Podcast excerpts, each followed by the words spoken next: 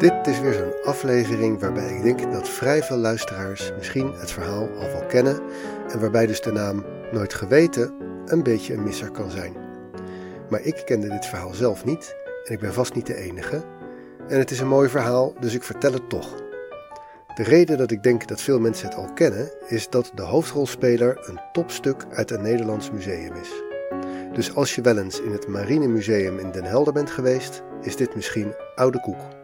Maar voor de rest is hier aflevering 41 van Nooit Geweten. Dat topstuk is de Nederlandse mijnenveger Harer Majesteits Abraham Krijnsen. Het glorieuze verhaal van de Abraham Krijnsen speelt in de Tweede Wereldoorlog. Een mijnenveger is een typisch Nederlands soort oorlogsschip. Het is er niet voor het aanvallen van de vijand, zelfs niet echt voor het verdedigen tegen een directe aanval. Een mijnenveger probeert handelsroutes open te houden. Ook heel belangrijk in een oorlog, niet alleen voor de handel, maar natuurlijk ook voor de bevoorrading. Maar laat ik bij het begin beginnen, bij de mijnen.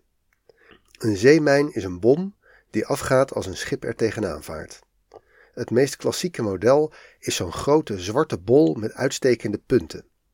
Als een schip tegen zo'n stekel vaart, dan ontploft de bom met alle ellende van dien. De mijn zit meestal vast aan een ketting die zo kort is dat de mijn een stukje onder water blijft, zelfs bij laag water. Daardoor is hij moeilijk te zien en, nog belangrijker, kleine bootjes varen er overheen en alleen de grote, diepstekende schepen lopen op de mijn. Een heel goedkope en effectieve manier om een scheepsroute volledig onbruikbaar te maken. Tegenwoordig heb je heel slimme mijnen, die afgaan als ze de verstoring van het magnetisch veld waarnemen door een groot stalen lichaam, zoals een schip. En akoestische mijnen, die het geluid herkennen van een groot schip. Soms tellen de mijnen ook het aantal schepen dat er overheen vaart en ontploffen ze bijvoorbeeld pas bij het derde schip. Allemaal in een poging om de grootste en belangrijkste schepen in een konvooi te pakken te krijgen. Maar in het begin van deze wapenwetloop waren mijnen dus drijvende ballen onder de waterlijn. En de eerste tegenzet in deze wapenwetloop waren mijnenvegers. Hoe werkt dat mijnenvegen? Het lastige is dus dat de mijnen vaak best diep onder water zitten. Een mijnenveger is een relatief klein schip. Tegenwoordig vaak van een niet-magnetisch materiaal zoals hout of aluminium vanwege de magnetische mijnen, maar in de tijd van ons verhaal was dat nog niet zo. Het schip steekt niet erg diep en loopt daardoor niet snel zelf op een mijn, maar het sleept een soort kabel achter zich aan. Die kabel kan kilometers lang zijn en aan het verste uiteinde zit een vlotter. Een soort drijvende torpedo met vinnen, die zo geplaatst zijn dat hij niet netjes rechtuit door het water wil varen, maar sterk naar links of naar rechts stuurt. Als je die dus achter je aansleept, komt hij bijvoorbeeld een heel stuk naar links achter je te varen. De kabel wordt met gewichten vlak bij de boot en vlak bij de vlotter laag gehouden. Stel nou dat er in dat gebied tussen de mijnenveger en de vlotter een mijn onder water zit. Dan komt de kabel tegen de kabel aan waarmee de mijn aan de bodem vastzit. Die twee kabels gaan dan langs elkaar schuren. Die kabel van de mijnenveger heeft allemaal scherpe puntjes en haakjes. Je moet ook handschoenen aan om hem vast te kunnen pakken. Dus als die twee kabels langs elkaar schuren, dan werkt de mijnenvegerkabel als een soort zaag en snijdt de ankerkabel van de mijn door. Die mijn komt dan naar de oppervlakte en wordt dan typisch vanaf de mijnenveger beschoten om hem tot ontploffing te brengen. En soms halen ze de mijn ook voorzichtig aan boord om hem te onderzoeken. Een secuur en vrij technisch werkje dus. In tijden van oorlog werden koopvaardijschepen gegroepeerd in konvooien begeleid door een paar oorlogsschepen ter verdediging en meestal met een paar mijnenvegers om er vooruit te varen en de route leeg te vegen van mijnen. De Abraham Krijnsen was gebouwd in 1936 en was onderdeel van een groep van acht mijnenvegers die de marine liet bouwen. Het waren de allereerste schepen die de Nederlandse marine specifiek als mijnenveger liet bouwen. Daarvoor werd vaak achter willekeurige schepen zo'n lijn gehangen. De serie bestond dus uit acht schepen en die waren allemaal genoemd naar niet zo heel bekende zeehelden op alfabet. De Abraham Krijnsen, Krijnsen met een C, was bootje 3. Bootje 1 heette de Jan van Amstel. bootje 2 de Pieter de Bitter enzovoort. Deze klasse mijnenvegers werd ook wel de ABC-klasse genoemd. Bootjes A, B, C en D werden meteen naar de oost gestuurd om daar in de regio konvooien te begeleiden. Bootjes E, F, G en H bleven in Nederland. En zo kwam het dat toen Nederland in 1940 capituleerde, de boten A tot en met D veilig in Surabaya geankerd lagen. Het was een drukke tijd, want mijnenvegers worden ook vaak gebruikt om mijnen te leggen. En nu de Duitsers toegang hadden gekregen tot alle militaire geheimen van de Nederlandse marine, ging men ervan uit dat ook de Japanners die geheimen nu kenden. Dus begon men in hoog tempo alle mijnenvelden die ze zelf hadden geplaatst om Nederlands-Indië te beschermen, weer op te ruimen en te verplaatsen. Maar het mocht allemaal niet heel veel baten. Na jaren van oplopende spanningen vielen de Japanners Pearl Harbor aan. De dag erna verklaarde Nederland Japan de oorlog en daarna ging het allemaal best snel. Nederland stond er niet alleen voor, maar ook het gezamenlijke commando van Nederland, de Britten, de Amerikanen en Australië en Nieuw-Zeeland kon de Japanners niet tegenhouden. Op 27 februari werd bij de slag in de Javazee het grootste deel van de gezamenlijke vloot verwoest. Mijnenvegers hadden bij zo'n slag niets te zoeken, die lagen veilig voor anker in Surabaya op Java. Nou ja, veilig. Er was in Surabaya natuurlijk blinde paniek tegen die tijd. Twee weken eerder hadden alle commandanten van de mijnenvegers de order gekregen om zich voor te bereiden op een ontsnappingspoging. Zodra de geheime code KPX zou worden gegeven, zou ieder schip moeten proberen te ontsnappen naar Australië, maar in ieder geval koste wat kost te voorkomen dat de schepen in Japanse handen vielen. Het was alleen niemand duidelijk hoe dat dan zou moeten. Ondertussen was men druk bezig met de hele marinehaven te ontmantelen en af te breken om te voorkomen dat de Japanners er al te veel aan zouden hebben. Een flink deel van de bemanningen deserteerde. Op 6 maart, dus ruim een week na de slag op de Javazee en een dag nadat de Japanse troepen zegevierend Batavia waren binnengetrokken, kwam dan eindelijk het zijn KPX.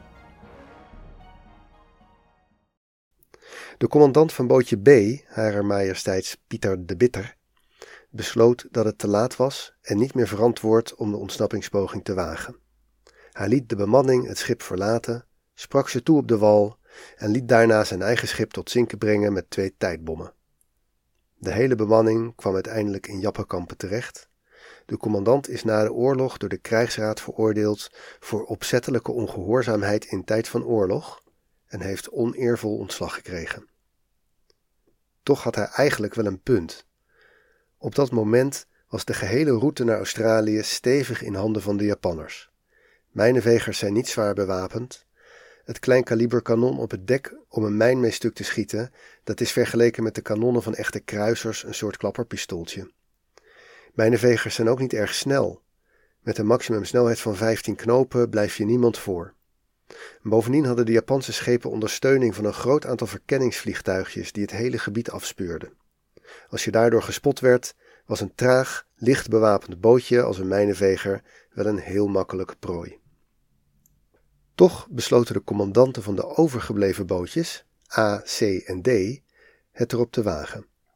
A, de Jan van Amstel, en D, de Eland Dubois, vertrokken zo snel mogelijk uit Surabaya.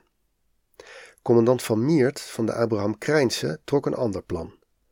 Kortweg, wie niet sterk is en ook niet snel is, kan zich maar beter goed verstoppen.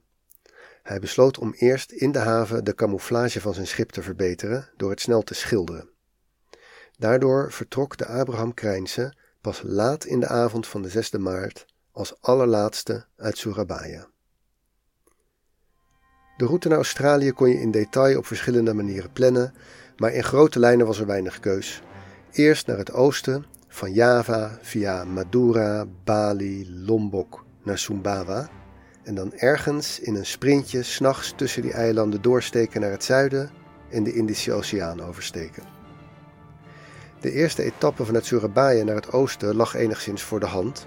En in de vroege morgen van 7 maart kwam de Krijnse dan ook aan bij de haven van het eilandje Gili-Raja en trof daar bootjes A en D die er voor anker waren gegaan. Commandant van Miert besloot dat hij het te riskant vond om bij die ongecamoufleerde schepen in de haven te gaan liggen. Hij voer nog even door naar het volgende eilandje, Gili Genteng. Dat was een goede keus. Die middag werden de bootjes A en D gespot door een Japans verkenningsvliegtuig. Ze moesten daar dus ogenblikkelijk weg. Wat moeilijk was, want boot D had lichte pannen. Bovendien hadden ze eigenlijk allebei te weinig stookolie aan boord om Australië te halen en waren beide bemanningen door desertie gehalveerd. Daarom besloten ze boot D te laten zinken en zo snel mogelijk met boot A verder te varen met de gecombineerde bemanning. Die avond werd de Jan van Amstel door de Japanse marine onderschept en tot zinken gebracht. 23 opvarenden vonden de dood. Intussen legde op Gili Genteng commandant Van Miert zijn plan uit aan de bemanning. De camouflagekleuren van het schip zouden niet genoeg zijn om aan de Japanners te ontkomen. Hij gaf de bemanning de opdracht aan land te gaan en van de vegetatie van het eiland zoveel mogelijk takken met bladeren af te zagen en mee aan boord te nemen. Daarmee moest het hele schip bedekt worden, tot het niet meer te onderscheiden was van een klein eilandje. Dit klinkt als een idioot idee, maar bedenk wel dat Indonesië uit ongelooflijk veel eilanden bestaat. Heel grote eilanden, maar natuurlijk ook heel veel heel kleine eilandjes. Zo raar is het niet om daar een klein tropisch eiland van een meter of vijftig lang aan te treffen. Het plan was dus de boot te vermommen als eiland. Er zou alleen s'nachts gevaren worden, want echte eilanden bewegen niet, en bovendien zou er niet in havens geankerd worden, maar zo dicht mogelijk tegen de kust van echte eilanden aan.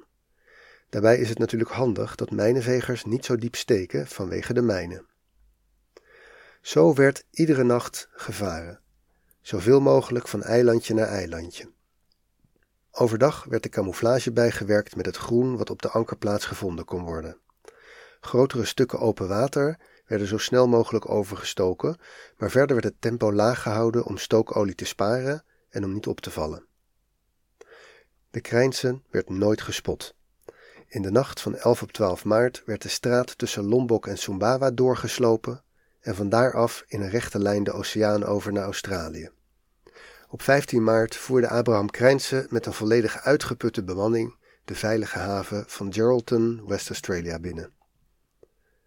Gedurende de rest van de oorlog heeft de Abraham Krijnse dienst gedaan in de Australische marine. Later is ze weer overgedragen aan Nederland en is nog tot 1961 in gebruik geweest. Daarna werd het een opleidingsschip.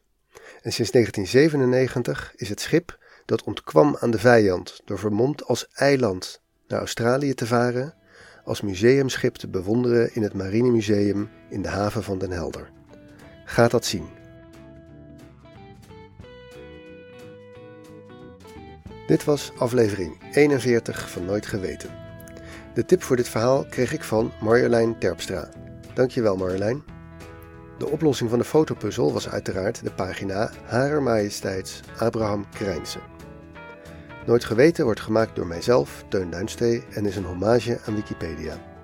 Alle informatie die je hebt gehoord komt daar vandaan en soms van bronnen waarnaar Wikipedia linkt. Je vindt meer details over dit onderwerp via de links in de show notes. Ik heb er ook een paar links naar de originele foto's van de mijnenveger, helemaal bedekt met takken, bij gedaan. Ook vind je in de show notes een Wikipedia fotopuzzel waarmee je kan uitpuzzelen waar de volgende aflevering over gaat.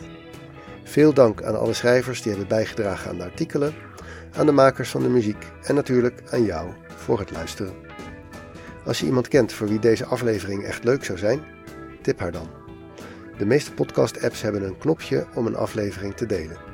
En als je nooit meer een aflevering van Nooit Geweten wil missen, abonneer je dan. Dat kan in alle podcast-apps.